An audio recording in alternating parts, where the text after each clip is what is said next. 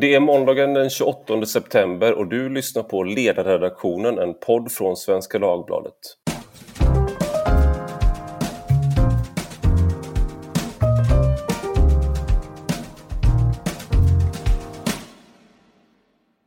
Jag heter Ivar Arpi och idag ska vi prata om ett upprop på Sveriges Radio som många har noterat och som bland annat Dagens Nyheter har skrivit om. Och det handlar om att ett upprop som 39 personer har skrivit under och det är nuvarande medarbetare och före detta medarbetare på Sveriges Radio som säger att mångfalden brister på Sveriges Radio. Vi speglar inte samhället och vi behöver fler rasifierade och vi behöver framförallt behöver vi fler afrosvenskar på olika positioner.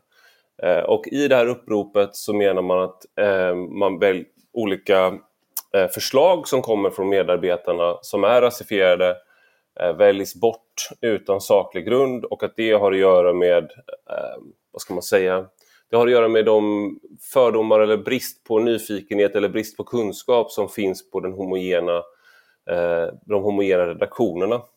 Eh, och det man vill ha då, säger man i det här uppropet, är bland annat en inventering där man går igenom hur många som har utländsk bakgrund och hur många som är svarta och man vill ha ett mål fram till 2025 där minst 25% av alla anställda ska ha utländsk bakgrund och minst 15% ska ha utomeuropeisk bakgrund. Och särskilt fokus bör läggas på att öka andelen svarta anställda på företaget, skriver man. Och man vill även ha in en, eh, någon rasifierad i ledningsgruppen. Och med mig för att prata om detta har jag Evin Rubar som är journalist och du arbetar på Sveriges Television främst. Så det har du mm. gjort i ganska många år vid det här laget. Välkommen! Mm. Tack! Och eh, Trifa Abdullah som, eh, också, som är anställd på Sveriges Radio och du jobbar nu med, just nu på P4 Blekinge. Välkommen! Tack! Och Jesper Sandström som är eh, min kollega på ledarredaktionen här på SvD som har skrivit om det här till imorgon. Välkommen du också! Hej hej! Eh, jag tänkte vi skulle börja med dig, eh, Even Rubar. Ehm, tycker du, för du har, du har twittrat lite om det här uppropet och som jag förstod det så tycker du att det finns en poäng i det men, men det, kanske problemet med eh, homogeniteten på Sveriges Radio kanske hade mer att göra med nästan med med nepotism och med att man anställer människor som är släkt med, med chefer och liknande. Eh, men, men du hade ändå någon slags eh, eh förståelse för det här uppropet om jag, om jag förstod dina tweets rätt? Ja, alltså, jag jobbar ju inte på Sveriges Radio och jag hade inte heller läst det här uppropet nu förrän eh, idag. Eh, så att jag kan egentligen inte säga någonting om eh, konkret hur det ser ut på Sveriges Radio. Utan när jag twittrade om det här med att eh, ett första tips är att man drar in räkmackorna för, för anhöriga till chefer och medarbetare, då pratade jag om public service i stort. Liksom att det, har ju, det är ju sådär som man har skämtat om länge på SVT till exempel, att vi kan inte ha några lappar i köket där det står diska efter dig, din morsa jobbar inte här, för att hon gör det. Eh, och, eh, så, så, det där har ju varit liksom så allmänt känt att det, har var, att det har funnits väldigt mycket inslag av det i, i public service, i alla fall på SVT. Och, eh, eh, sen vet jag inte om det är så att man liksom har stramat åt på, på eh, senare år, men det är klart att det är, ju, det är ju en stor fråga ifall det nu är rättvisa i rekryteringen när man, när man ska diskutera. Sen när det gäller om de har en poäng eller inte, alltså jag tycker att vi är förbi för länge sedan någon slags debatt om huruvida det finns rasism och diskriminering i Sverige. För mig är det alldeles uppenbart och självklart att, att vi har det. Det skulle vara väldigt konstigt. Sverige skulle sticka ut från alla andra länder i, i, på jorden om vi inte hade rasism och fördomar och diskriminering i Sverige. Eh, och själv, självklart är det också så att, att det måste, att det antagligen färgar av sig liksom generellt i samhället och på olika arbetsplatser och så. Så för mig är inte diskussionen, finns det rasism eller finns det diskriminering eller finns det fördomar mot människor på grundval av etnisk bakgrund eller hudfärg? Eh, däremot så finns, måste det finnas en diskussion om vilka saker är uttryck för den här rasismen eller för diskrimineringen. Och där reagerade jag ju på de få exempel jag hade sett då, som hade blivit eh, offentliga innan jag läste hela brevet då.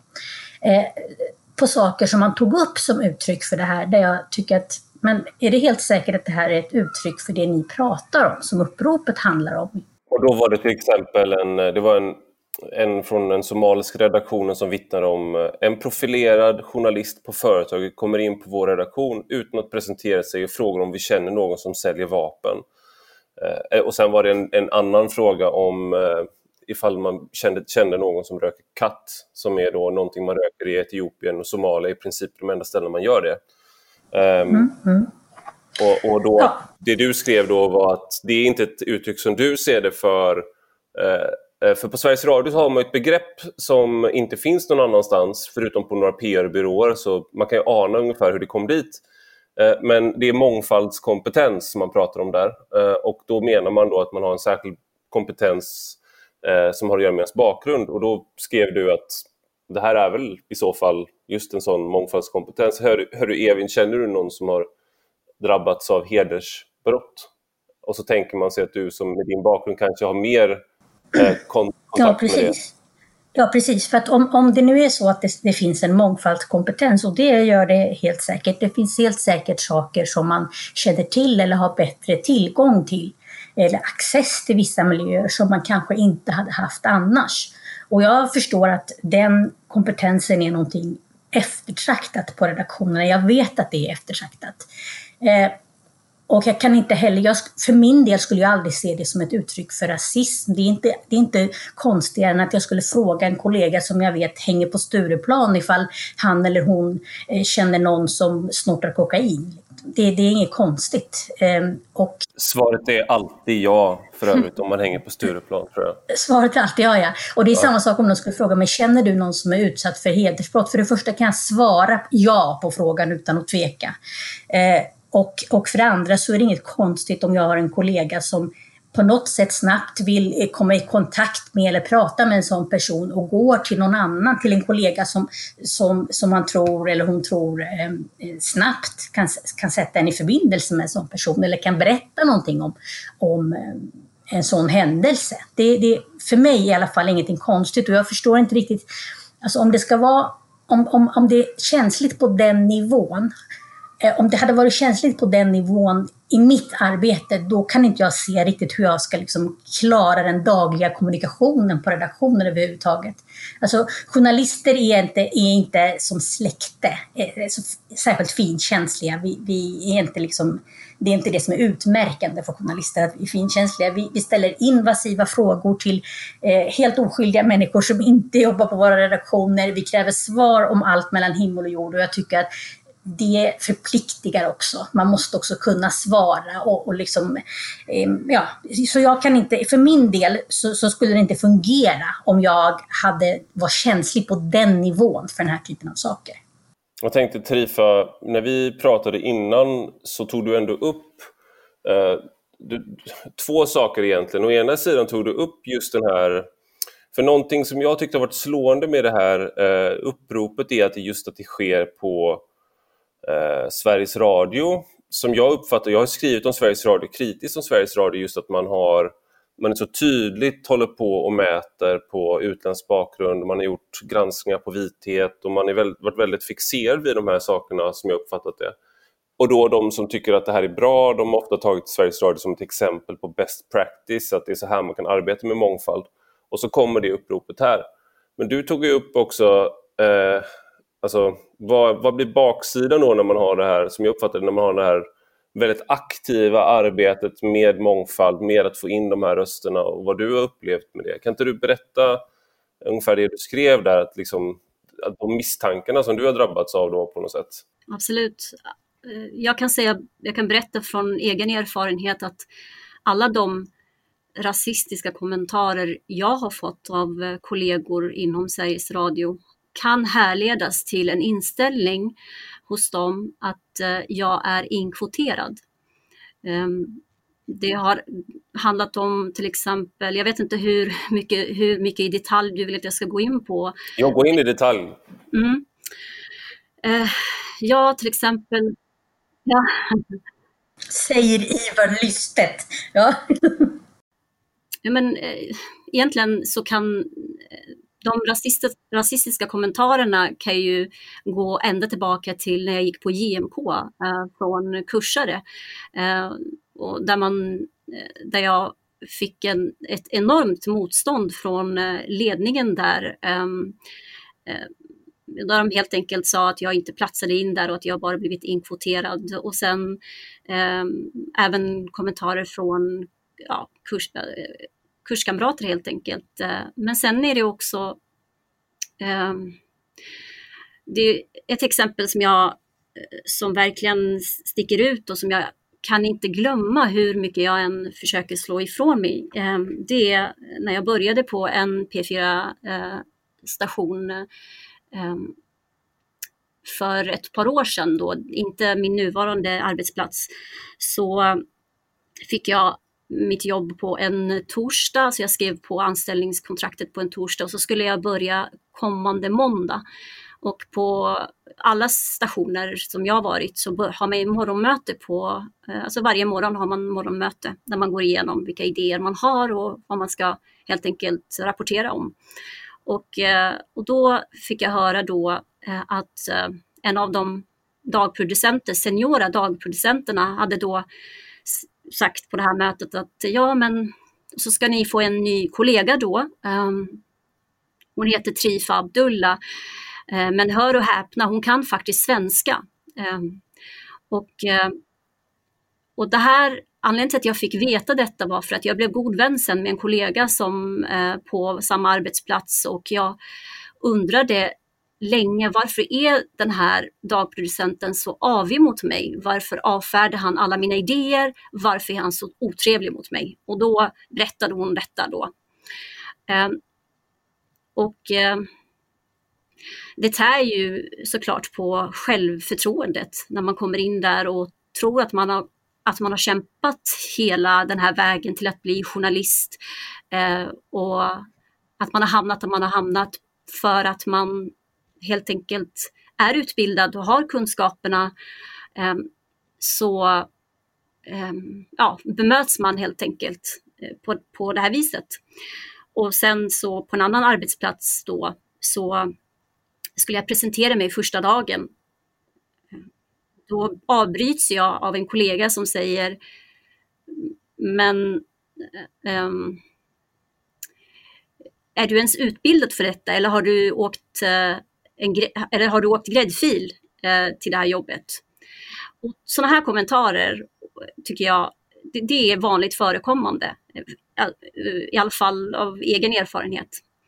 Men jag tycker, och som jag skrev till dig också Ivar, det värsta tycker jag, det är det som inte sägs, som ändå är väldigt påtagligt. Det är någonting jag kan inte härleda i bevis, men, men det, är, det är de nedlåtande, kommentar, alltså nedlåtande tonen med vilka vissa saker eh, eller gester och mimik som kommer i ett, i ett, under ett tillfälle, ett tillfälle där Eh, där man har gjort någonting bra så, så blir de helt chockade över, det, över, över detta. Eh, som att de inte trodde det, det om en. Um, och det är någonting som är ja, också eh, ja, något väldigt vanligt. Det är, påfrestande, det är påfrestande för, själv, för eh, självförtroendet om, det, om, det, om man arbetar i en sån miljö. Ja men visst eh, det är, ju, det är ju det verkligen, för jag vet själv att jag har aldrig blivit inkvoterad till, eh, till ett jobb. Aldrig, utan tvärtom. Jag har, jag har sökt massa journalistjobb, knappt ens fått något svar och de jag har fått har jag, har jag jobbat arslet av mig för att behålla. Ehm, så att ehm, jag tänker, det här är en sån här... Nu, det, det, finns så många frågor i det här, men, men en sak jag tänker med...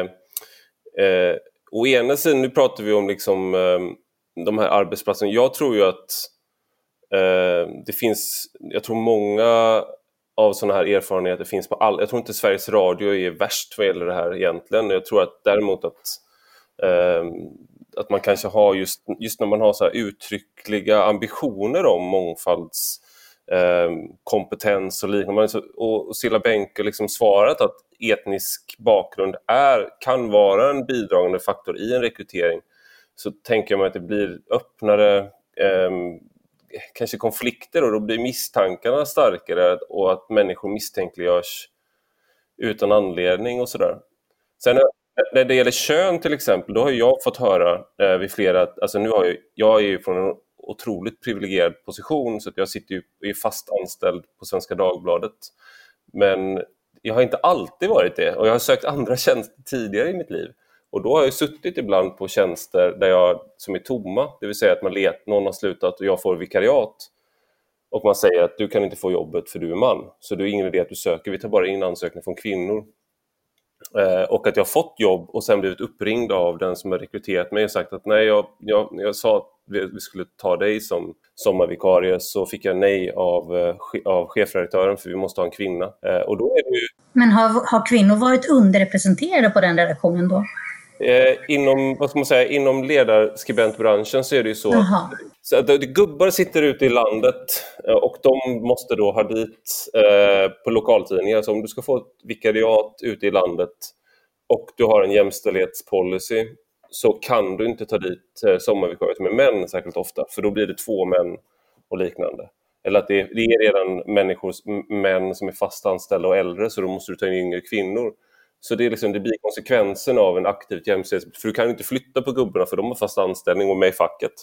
Men det, det jag menar med det är att den här misstanken, det var egentligen det jag tänkte komma fram till, misstanken då som kan komma då att man, när man vet vilka som får tjänster och hur rekryteringsbeslutet går till, att det sår split mellan medarbetare i onödan. För jag, flera av dem som jag vet har fått tjänster som jag, som jag skulle kunna ha fått om jag hade kunnat söka, är minst lika bra skribenter som jag och, och skribenter som jag, som jag beundrar. Så det är inte någonting som har att göra med deras kompetens, men det är så i split. Men jag tänkte Jesper, du skriver till imorgon på ledarsidan eh, ett ganska kritiskt, eh, eller väldigt kritiskt inlägg eh, om just hur Sveriges Radio eh, arbetar med de här frågorna, men också om det här uppropet. Eh, och du tar utgångspunkt i dig själv också. Skulle du vilja återge Eh, vad din kritik består i. Ja, eh, jag är inte här då i egenskap av etnisk minoritet utan jag är ju som man väl säger nu för tiden funktionsvarierad. Jag är född med en CP-skada och har suttit i rullstol hela mitt liv och tillhör ju på så vis en, en minoritet. Och det som stör mig med det här, det är ju, det är ju dels det som, eh, som Evin och Trifa redan har tagit upp, Eh, det här att, ja men om det nu blir norm att kvotera in människor, om, om de här som står bakom det här uppropet får sin vilja igenom och eh, vissa av våra arbetsplatser inför fasta kvoter för olika minoriteter, om man då blir anställd där och råkar vara en av dem som fyller kvoten, hur, hur ska det kännas? Alltså, ska man någonsin kunna bli helt trygg i att man är där i egenskap av en att man är liksom en kompetent jämlike till sina kollegor snarare än som en prydnad för mångfaldens skull. Så dels är det det jag vänder mig emot, men jag vänder mig också emot den här tanken om representation, alltså att vi kan kan eller bör representeras primärt av andra människor som delar liksom, fysiska drag med oss. För att det är så det är så främmande och ja, det är stötande för mig. Jag tar illa vid mig av idén. För att det den säger, det är ju att ja, men jag då, som är vit, heterosexuell, CP-skadad man i rullstol, eh, jag skulle representeras ganska utmärkt av socialisten Jesper Odelberg, som ju också är vit, CP-skadad man, heterosexuell, sittande i rullstol. Eh, men, men däremot Tove Livendal som står mig ganska nära i många frågor. Men eh, hon är ju rasifierad kvinna, gubevars, så vi kan väl inte ha något gemensamt. Hon kan ju gå till och med. Det, det blir så absurt för mig. Det, det blir absurt, det blir kränkande för att tala med deras språk. Men en sak, eh, en, jag vill bara komma in, jag tänkte bolla det här vidare till, eh, till Evin sen bara, men jag, det jag tänkte på är ju att å ena sidan har du ju då Eh, min mamma är nästan döv och har varit det länge. Och en sak som man blir, blir varse då när man är i olika offentliga miljöer är att det folk fattar inte vad det innebär och de blir arga på henne. Eh, och där tänker man då, det är väldigt lätta saker man kan göra för hörselskador, till exempel att ha slingor i, i olika hörsalar och liknande. Men folk, eh, folk tar inte det där på allvar. Då är det liksom vissa saker man kan göra som underlättar för människor. Man kan ta deras perspektiv och tänka från deras perspektiv. Och det skulle jag säga är mångfaldskompetens. Alltså på riktigt, även om jag inte gillar det ordet. Och då tänker jag med, med Evin, då, jag tänker, du har ju gjort till exempel eh, det här slaget om muslimerna, den dokumentären. Eh, där du, eh, som var eh, före sin tid på många sätt skulle jag säga och där du då liksom eh, ställer kritiska frågor till imamer och till eh, ledare för Eh, ja, moskéer och sådär. Och eh, det var, inte, fanns inte så många kritiska granskningar, men hade du, hade, var det på grund av eh, hade du gjort det där reportaget, liksom, är det din bakgrund som gjorde att du hade kompetensen att göra det där? Eller var det din Egentligen inte. Det kan jag inte säga för att eh, även om jag har utländsk bakgrund och bakgrund i, i Mellanöstern, eh, i, i, ett land där, där majoriteten är muslimer och så, så har jag eh, liksom aldrig haft någon insyn i, i eh, liksom den där världen av islamiska organisationer eller religiösa ledare och sådär. Eh, och överhuvudtaget inte fått liksom någon ja, religiös fostran. Så att jag har ju varit ganska mycket utifrån, kan man säga. Jag, har, det, det, var liksom, jag ser det bara som ett vanligt journalistiskt arbete egentligen. Sen, sen vet jag inte om det kan finnas... Eh, alltså det, är ju, det är ju så att den där igenkänningen sen när man börjar tänka efter så att man kan skilja olika sorter bort religiösa ledare från varandra eller börja förstå på, på vissa sätt att uttrycka sig vem som är vem och liksom representerar vilken vilken typ av inriktning och så. Men man måste nog ändå säga att det där är kunskaper som jag liksom har tillägnat mig efter att jag blev journalist i princip. Det är inte så mycket bakgrund där. Det är inte, det är inte kurden Evin Rubar som har gjort, eh, gjorde att du klarade att göra det där reportaget så bra, utan det är journalisten Evin Rubar som klarade Ja, det tror jag. Och kurden framförallt, alltså i de där miljöerna så är det ändå man får höra att kurder inte är några riktiga muslimer till att börja med. Så att det, det, det räknas liksom inte så mycket. Det, the fake muslims sa de. Det, till och med, jag åkte, en del av det där reportaget, jag åkte till London till en, till en moské där i östra London och där var det också ah, Kurds, those who call the fake muslims. Så att det, det där följer den liksom överallt. Men om jag bara får säga, alltså en sak som, är, som jag tycker är liksom viktig att medge, det är ju att alla de här ambitionerna och hela den här diskussionen kommer såklart ur ett problem från början. Alltså problemet där, man har, där samhället har sett ut så att man har sett kompetens som någonting som primärt finns hos en viss typ av person. Eh, där, där man har tyckt att kvinnor klarar inte ditt och, och invandrare klarar inte det och svarta ska vi inte ens prata om. Så har samhället en gång i tiden sett ut. Och det är såklart att eh, det, det finns rester kvar i, på olika sätt av det där, av det där samhället. Och, men det man måste framförallt komma ihåg det är att vi, vi, är på 2020 nu och inte 1970. Alltså den här synen, det var för en tid sedan eh, några en före detta Aktuellt-chef tror jag, som skrev en artikel om att vi måste liksom fortsätta med det här eh, more color in the media-tänkandet och mångfald och så. Och det jag, det jag reagerar på där, det är att och skulle vilja vända på eh, när det gäller den här välmenande personen då som säger att vi måste ha, eh, satsa mer på den här typen av grejer, det är att du har nog inte hängt med i utvecklingen. Vi är inte längre där att man måste leta efter personer med utländsk bakgrund utan journalistisk utbildning eller journalistisk kompetens för att få in invandrare. Invandrarna som har rätt kompetens och har journalistutbildning är nu, numera många. Men det är inte alla invandrargrupper, Evin, och det, det är det som jag tycker också vänder mig lite grann emot i det här uppropet. Eh, som till exempel, det finns ju ett vedertaget begrepp, eh, mediekurden. Eh, det är för att det finns väldigt många kurder inom journalistiken och medievärlden idag. Ehm, men det beror tror jag också på att kurder har funnits i Sverige under 40 års tid minst. Så det har hunnit komma in, alltså det har hunnit växa upp generationer som ser journalistiken som ett alternativ. Medan till exempel afrosvenskar har inte samma historik här i Sverige. Det har absolut funnits afrosvenskar i Sverige men inte i den mängden som har kommit de senaste vad ska man säga, tio åren. Det tar tid. Jag har ju gått många journalistutbildningar, kurser, skrivarkurser. Jag har, och jag är ju ändå inte supergammal. Jag menar, ja, och där har jag inte, där har jag knappt, det har knappt varit några svarta eh, på de här kurserna. Nej.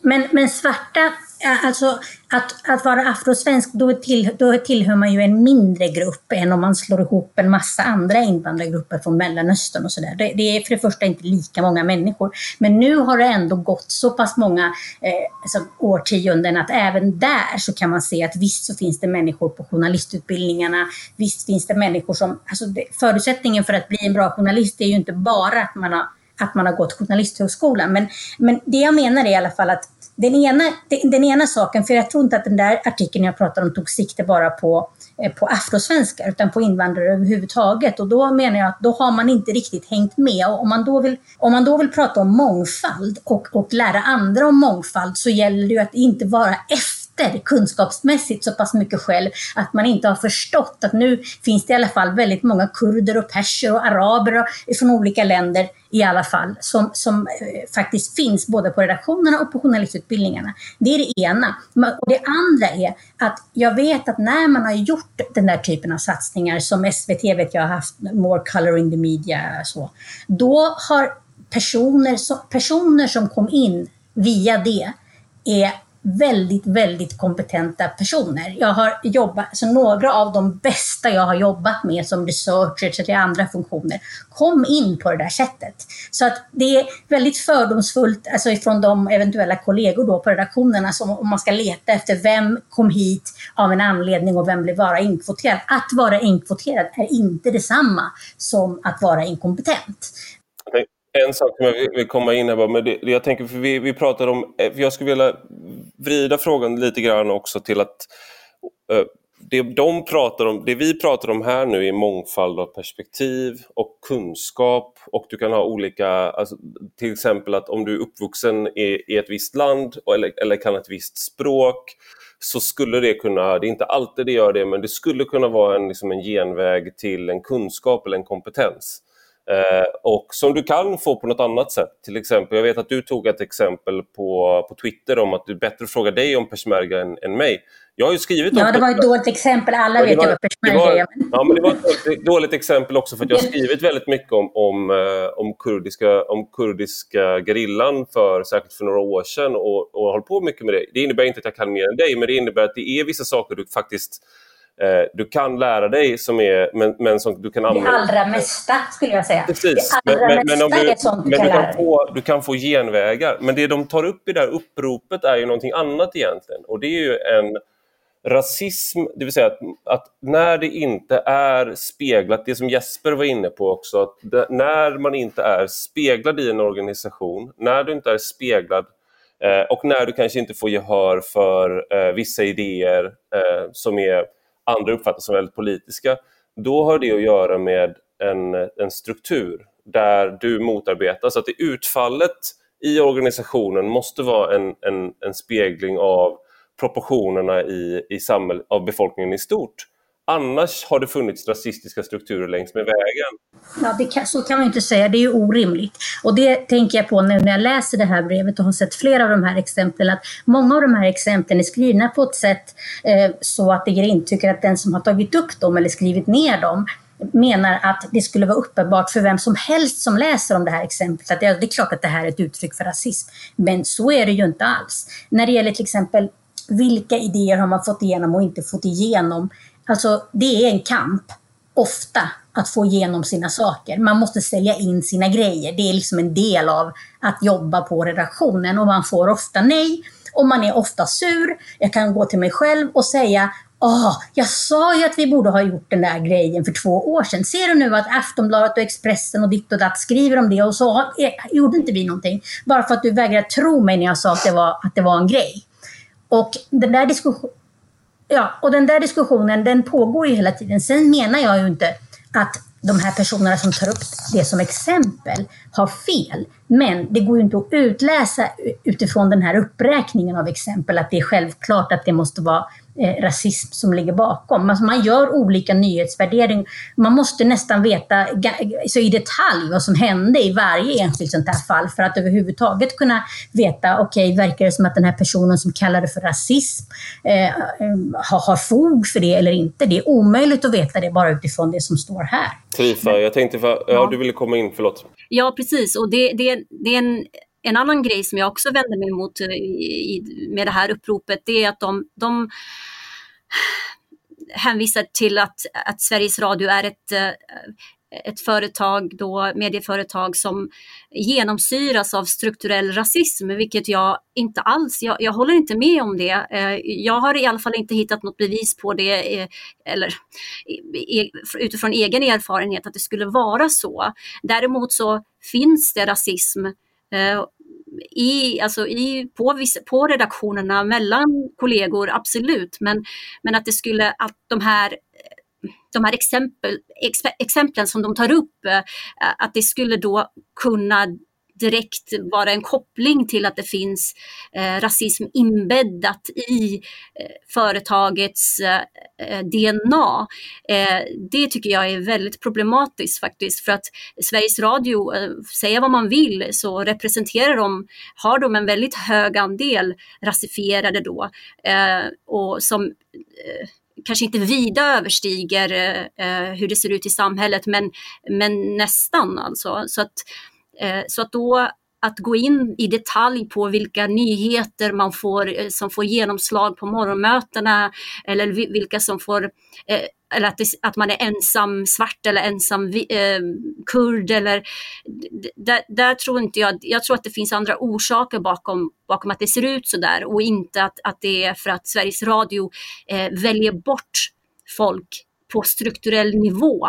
Eh, där tror jag är en farlig, jag tycker att det är en farlig väg att, att gå in på för att det leder till rädsla och eh, eh, reflexmässiga handlingar som inte alls tror jag kan landa gott så småningom om man tillämp- eller om man går med på de här kraven. Jag vill bara fråga Jesper här, jag tänker, är Jesper, när det gäller eh, funktionsnedsättning och sånt där, jag tycker ändå på någonstans då, som jag försökte komma in på det här, att, att liksom, när det handlar om sär, alltså man, man klumpar ibland ihop liksom alla, alla slags minoriteter eh, på samma sätt. Men där tycker jag många gånger att eh, det finns eh, eh positiva exempel på när man försöker att vara eh, alltså tillmötesgå särbehov, eller vad man särskilda behov eh, utan att det, att det kostar någonting för så att säga det kanske kostar någonting men, det, men det, det, är inget besvär att det finns en ramp upp för, Nej. Eh, Nej, till, till, ett bibliotek eller, liksom, eller att det finns en hiss. Eh, utan det, där är liksom en, det ingår i, på något sätt i att tänka på hur man eh, eh gör rum, eller för blinda, att det finns såna här räfflor på trottoaren och att eh, knapparna på låter när man ska gå över ett övergångsställe, så att blinda hör. Det är liksom inte en off, det, är, det påverkar inte mig som seende, liksom, utan det är bara Ja, nej men precis. Och, och det, det tänker jag ofta på när, när jag hör liksom påståenden om... För det påstås ju samma sak om oss handikappade eller funktionshindrade eller vad man nu vill kalla oss. Um, att, att, det liksom, att samhället skulle genomsyras av en strukturell funkofobi och att det finns någon slags allomfattande svävande missaktning mot funktionshindrade och bristande respekt för oss. Och, och jag upplever ju precis raka motsatsen. Jag upplever en, en oerhörd hänsynsfullhet. Att folk är oerhört måna om att vara tillmötesgående, om att försöka göra de problem mitt funktionshinder innebär så små som möjligt och så vidare. Sen är det klart att det finns idioter överallt. Det finns, det finns idioter som uttrycker sig rasistiskt. Det finns folk som talar över huvudet på mig mig och, och antar att liksom vad, vad jag nu har för annan vuxen människa i min närhet är min assistent. Det finns, det finns folk som har tittat med avsmak på spårvagnen när min eh, flickvän kysser mig för de tror att det är min personliga assistent. Och de tycker att det, är, Förlåt, det är väl, det är väl lite, lite äckligt. Liksom. Men det är inte en, ett strukturellt förtryck det är idioter. Det kommer alltid finnas idioter. Idioterna får man bemöta i de, i de fall det finns diskriminering eller där folk behandlar funktionshindrade eller invandrare eller sexuella minoriteter eller någon annan grupp illa på osaklig grund.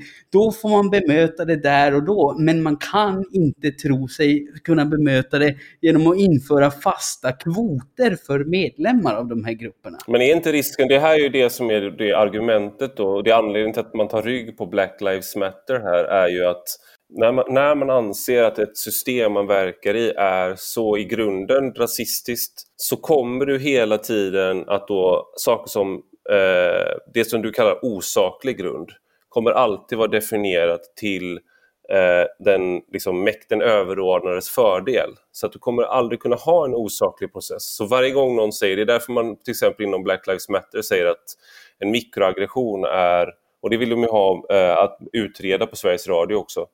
Eh, att man utreder den, det som en rasistisk sak. Och då är till exempel att användandet av ordet meritokrati är i sig en mikroaggression. För att det du antyder då är att det, att, du, att det finns en sån neutral process. Så att du har, det här, som jag ser det, det här är också...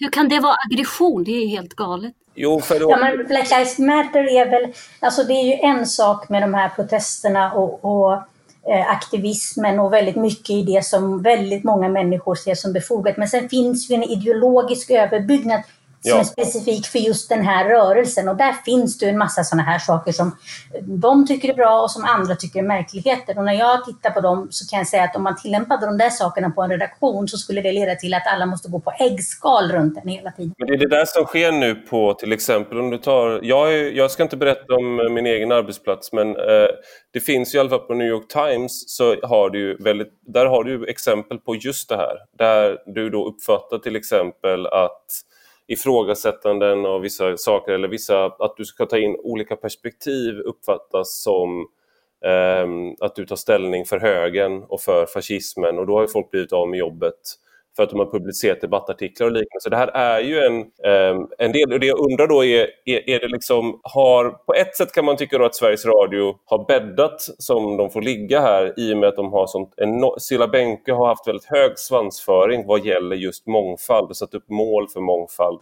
Men eh, mångfald är ju inte, det är ju, jag ser inget fel i det. Nej, men, och då, men då blir det på något sätt att ett sånt här upprop kanske på ett sätt då sker på Sveriges Radio är kanske logiskt just för att eh, man då själva har sagt att, det, att man tittar på sådana här saker. Och sen... Jo, men det spelar ganska stor roll hur man gör hur? Ja, jo precis. Men alltså problemet är väl just det att, eh, nej men det, självklart, det, det, är ingen av oss som deltar här som tycker att mångfald är någonting dåligt. Det finns en massa bra saker med mångfald, men det finns ju också väldigt skilda definitioner av mångfald. Och, och för, för de som står bakom det här uppropet så handlar ju mångfald om att nej men det ska vara liksom, arbetsplatserna måste vara en spegling av samhället och eh, etniska minoriteter och andra minoriteter måste vara representerade utifrån vissa kvoter. Så det är väl, det är väl just det. Även på BBC har man ju haft sådana här, alltså det, någonstans är det också, om man tar BBC som benchmark för Sveriges Radio och för public service så har ju BBC haft sådana här kvoter på just kvinnor, homosexuella, transsexuella, människor med eh, eh black, asian, minority, eh, ethnic background och så du, har, du har de här kvoterna där på hur många som ska synas i rutan, på hur många som ska vara anställda.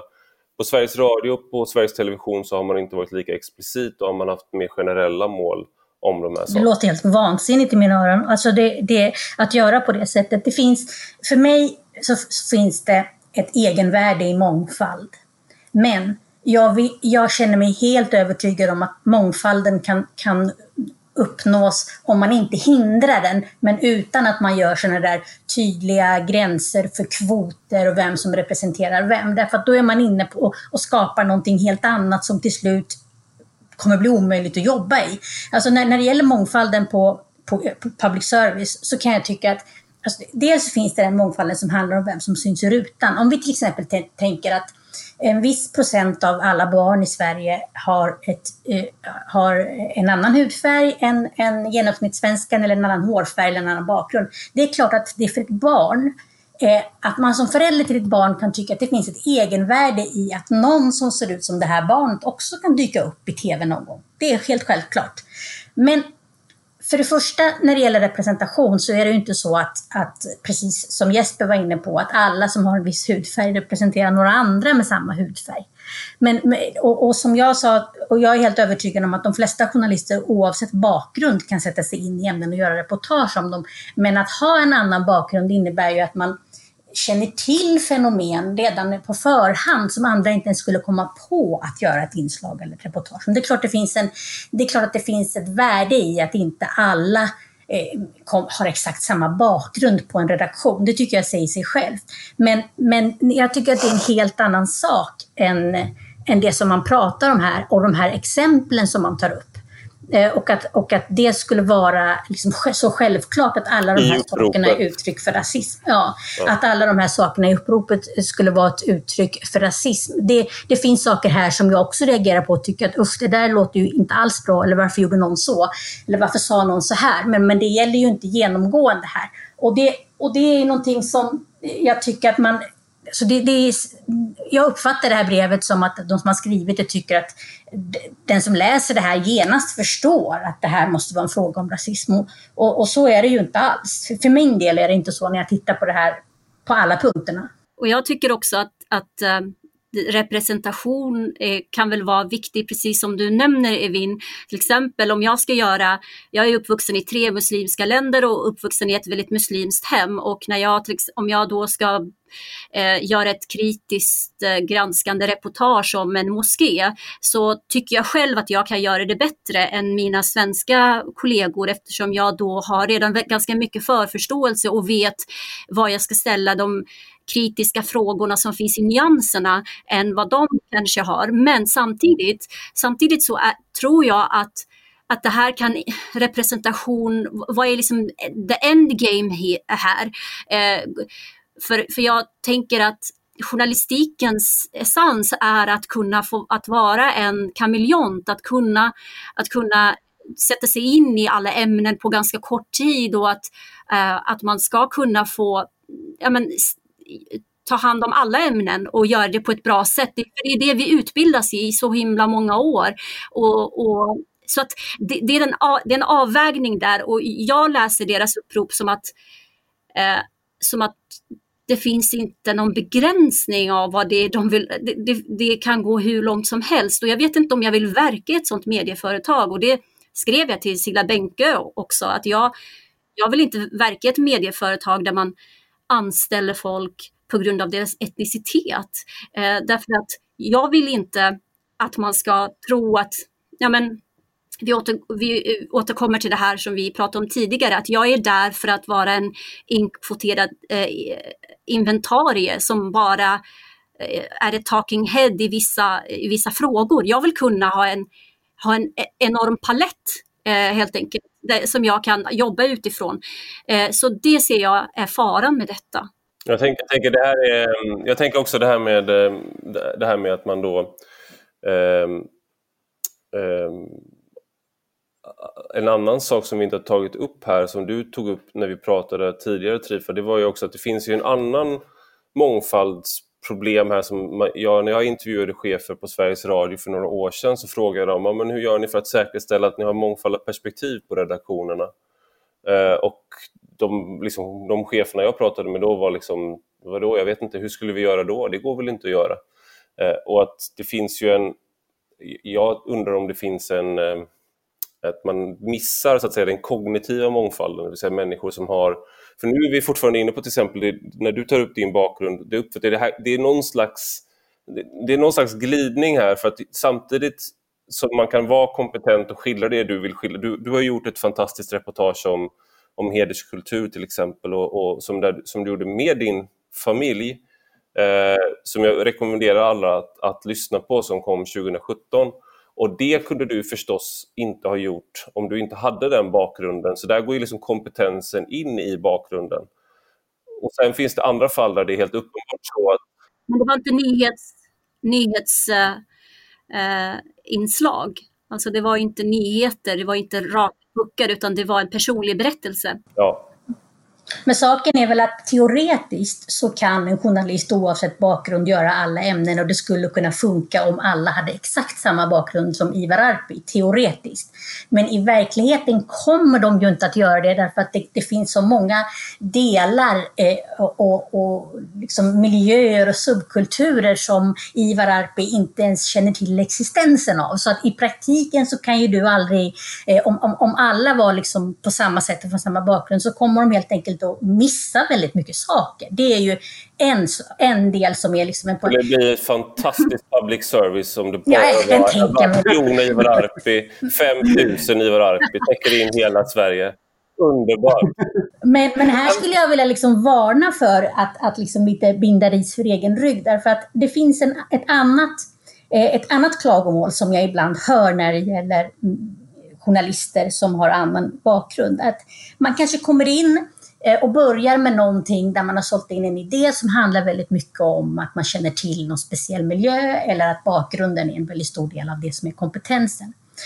Och om man inte aktar sig då så hamnar man förr eller senare i det läget att man börjar surna till därför att man känner att jag får bara göra invandrargrejer. Jag är faktiskt journalist och nu vill jag göra ett reportage om lastbilsbromsar. Men det kommer jag aldrig få för de vill hela tiden bara att jag ska åka ut i olika förorter och göra olika invandrarproblem. Och det där är ju liksom lite, alltså man får ju, man får ju räkna med då att det går liksom inte att ha det viktigt på alla sätten samtidigt. Ska man trycka på att det här mångfalds, eh, mångfaldskompetensen ska räcka för att man ska kunna liksom, göra en journalistisk karriär eller, eller vara på en redaktion. Då blir det svårt att sen klaga på att man inte får jobba brett och behandlat som vem som helst. Därför så tycker jag att det är jätteviktigt att, att man liksom ser det som att i första hand så är man journalist och sen kan man ha mer meriter, plusgrejer i form av språk eller, eller komma från en viss miljö eller ha växt upp i någon, ja, vad det nu är för Ja, men, men, men precis, precis. Det, är precis så jag ser det. Att det, det finns ju alltid ett värde i en, en mångfald av grupper och i det att alla har vi upplevt olika saker och vi kan, vi kan berätta berättelser som kanske ingen annan skulle kunna berätta. Men, men det var en del av min reaktion också när jag läste det här upproret.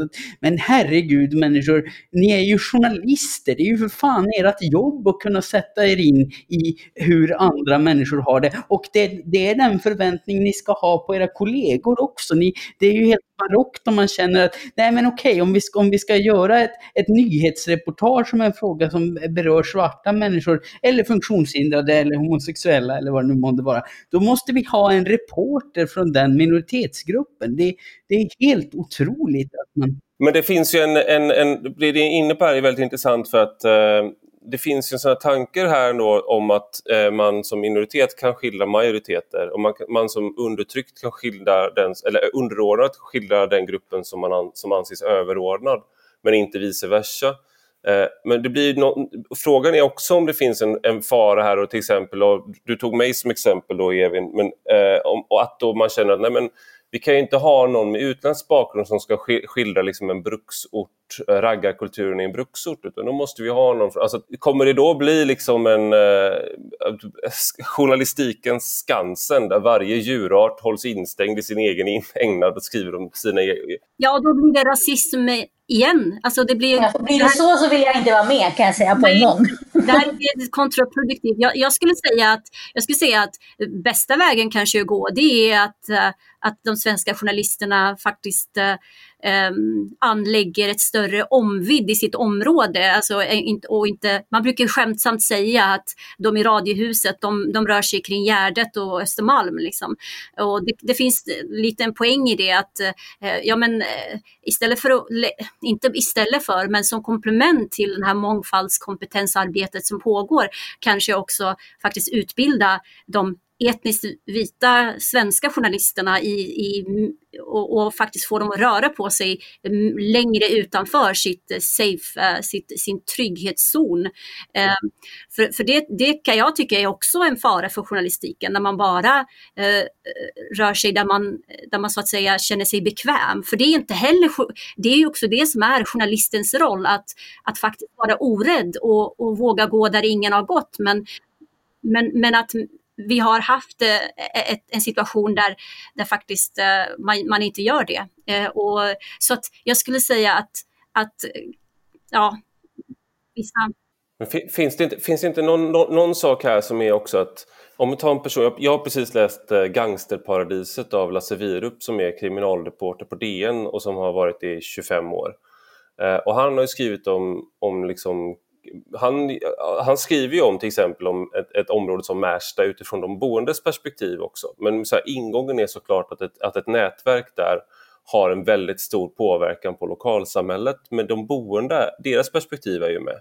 Och de boendes perspektiv är ju med i hans kriminalreportage. Eller när Ulrika By skriver om, om olika företag. Men de är ju då vita etniska svenskar. Så jag, jag, gissar att de i uppropet inte tycker att det är den här mångfalden av perspektiv som är det de är ute efter utan att det är någonting annat de eftersöker. Och det är just den där speglingen som de... Skulle jag, jag tror att om de, fick, kan man om de veta, Det är ju synd att ingen av dem är med här. Ja, jag ska säga då att jag har bjudit in ett antal av dem och alla har tackat nej. Eh, de som har svarat. Så jag har försökt att få med dem. Jag hade väldigt hoppats att någon av dem skulle ställa upp. Varför har de tackat nej, Ivar? Jag vet inte. De kanske har fördomar mot mig. Jag vet inte. Nej, men det, det, antagligen är det... Vi har, vi har, väldigt kort varsel här på podden, men det var synd i alla fall. Men vi har all, det, det, här, det här uppropet ligger tillgängligt på vemssr.wordpress.com. Då kan alla gå in och läsa där. Och om man inte hittar det där så kan man säkert hitta det via sociala medier där många länkar till det här uppropet. Och där kan man själv läsa hela brevet. Om jag får ta upp ett, ett annat exempel här som jag tycker eh, eh verkligen rör vid det som du pratar om nu Ivar och, och Cliff också. Det är det här att man pratar om eh, något tillfälle där man har diskuterat vem som ska bli Afrikakorrespondent.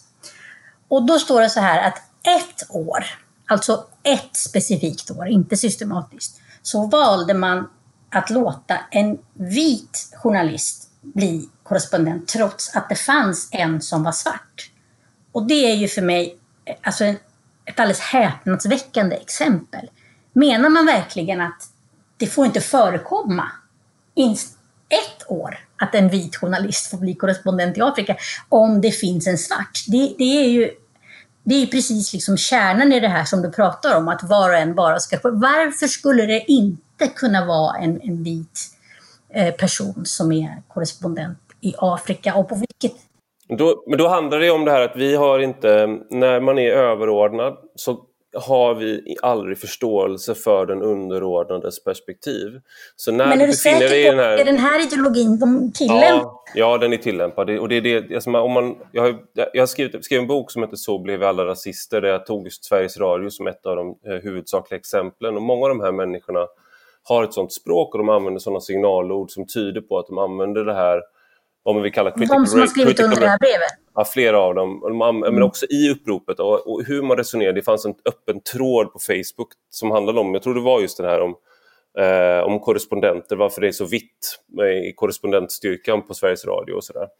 Eh, och då, eh, då var det just det här att de, du har en identitet, du har en autentisk insikt i vissa problem som du inte kan få när du är vit. Däremot kan du till exempel om du är svart, du kan ha lika mycket insikt i vita frågor. Just för att du har tvingats då, när du lever i ett system som är genomsyrat av den här strukturen, så har du tvingats att anamma den dominanta gruppens perspektiv. Så att du har dubbla perspektiv, dubbla glasögon. Men den dominanta gruppen kan inte förstå den undertrycktes perspektiv. Men det finns ju ett, en journalistisk metod som professionaliserades för över hundra år sedan, hur man ska jobba. Vem, vad, när, hur. Vi, alltså, det finns liksom ett, det finns en, ja, en formulär 1A i alla fall, som oavsett vem, vem man är, oavsett eh, om jag är svart, vit, grön, blå, ska jag kunna eh, tillämpa den här metoden. Eh, utan egentligen att ha någon nå egen erfarenhet av ämnet så ska, det ändå, så ska jag ändå prata med en drabbad eller prata med, eh, granska makten, prata med eh, ja, eh, de berörda och så vidare. Så det finns ju, det är ju därför vi går eh, journalistutbildning på flera år, för att just lära oss detta. Um, så att så att det här sättet att se på, eh, det, det, det, det, får mig att tänka på att men då kan jag bara ta i princip vem som helst från gatan. Då. Du har rätt hudfärg, du har rätt eh, religion eller du har rätt... De tog upp ett sådant exempel i det här uppropet, just att de, när de hade intervjuat på Sveriges Radio från Black Lives Matter-demonstration i Göteborg så hade man intervjuat en vit person eh, istället för en svart person. Och då är det ju... Ja, och det verkar, då pratar man alltså om ett, ett enskilt inslag, eh, gissar jag. Och hur kommer man fram till att det i sig är ett uttryck för rasism? Det förstår att, jag inte. Att man tror att, eh, det, eh, att det, om man kollar på vad det här handlar om, tror jag, så är det den här, det som kallas för med ett fint ord, ståndpunktsepistemologi. Eh, och det är alltså att du måste, det är det här att du måste ha identiteten för att kunna uttala dig om identiteten. Så att om du, inte, om, du inte, om du intervjuar en vit person på en Black Lives Matter-demonstration, då har du inte förstått att det är svarta människor som ska ha, ges röst. Och, och samtidigt så var alla vita som inte var med på BLM, de var ju, ja, eh, rasister också. Ja, ja men det, precis. Så att det, det, vad man än gör så blir det fel när man har det här, det här typen av tänk eh, kring journalistiken. Det är det jag, jag kanske inte gör det så bra, men jag försöker problematisera just det där. Vad, vad är det man begär? Vad är det man kräver av en journalist? Eh, man kräver saker som jag tror är, som du Evin också var inne på, om det väl så att säga blir verklighet så kommer det att vara rasistiskt. Jag tror att kommer, man kommer uppfinna ett nytt rasistiskt system inne i själva medieföretaget. Och det, det, det, där vill inte jag vara, jag vill inte komma dit. Uh. Men alltså det här som, Ivar, som du pratar om nu Ivar, det är ju, en, det är ju egentligen inte, alltså man kan inte beskriva antirasismen i sin helhet på det här sättet, utan du pratar om en väldigt specifik, ganska radikal ideologi inom liksom, antirasismerna. Eh, som, som också jag vet att Black Lives Matter har som ideologi. I alla fall så, så eh, är det väldigt mycket av det som är, som är liksom uppbyggt precis på det här sättet och enligt den här logiken. Och faran här, eh, tror jag, för både Sveriges Radio och Sveriges Television, men också för en massa andra institutioner och samhället i stort när man ska arbeta emot rasism, det är att inte ha kunskap om att det här är inte bara antirasism i största allmänhet utan en specifik, ganska radikal ideologi som man måste känna till innan man börjar plocka lite här och lite där och tillämpa liksom dess metoder mot rasism. För att annars hamnar vi i liksom samma fälla som man vill ha jämställdhet, eh, man vill hjälpa våldsutsatta kvinnor, men eh, faller i någon slags radikalfeministisk fälla för att man inte har kunskap om att det finns olika feminismer och att de man har valt ut som experter gång på gång och lyssnat på är några av de allra mest radikala falangerna inom liksom de som jobbar, alltså inom feminismen. Och det är ju en risk, det är en risk här att det blir samma sak. Att man måste liksom, det är helt enkelt så att människor eh, på institutioner, på företag, inom public service på något vis måste liksom bilda sig själva när det gäller den här ideologin och vad den faktiskt är för någonting. För, att, eh, för det här är ju någonting specifikt. Och man kan inte, det här är inte antirasism i största allmänhet. Men det är klart att det presenterar sig som antirasism i största allmänhet för att det är väldigt sällan en radikal falang vill presentera sig som en radikal falang. Nu säger inte jag att de här eh, brevskrivarna här allihopa tillhör en sån radikal falang, men du Ivar säger ju att du har sett att flera av de här personerna eh, skriver under på den. Det, det måste man säga, jag, jag, en, en sak som man måste göra, jag håller helt med dig om det här och det, det jag tror man måste göra det är att man eh, försvarar mångfald Eh, som begrepp man försvarar liksom, eh, inkludering som begrepp men du är tydlig med hur du definierar det och att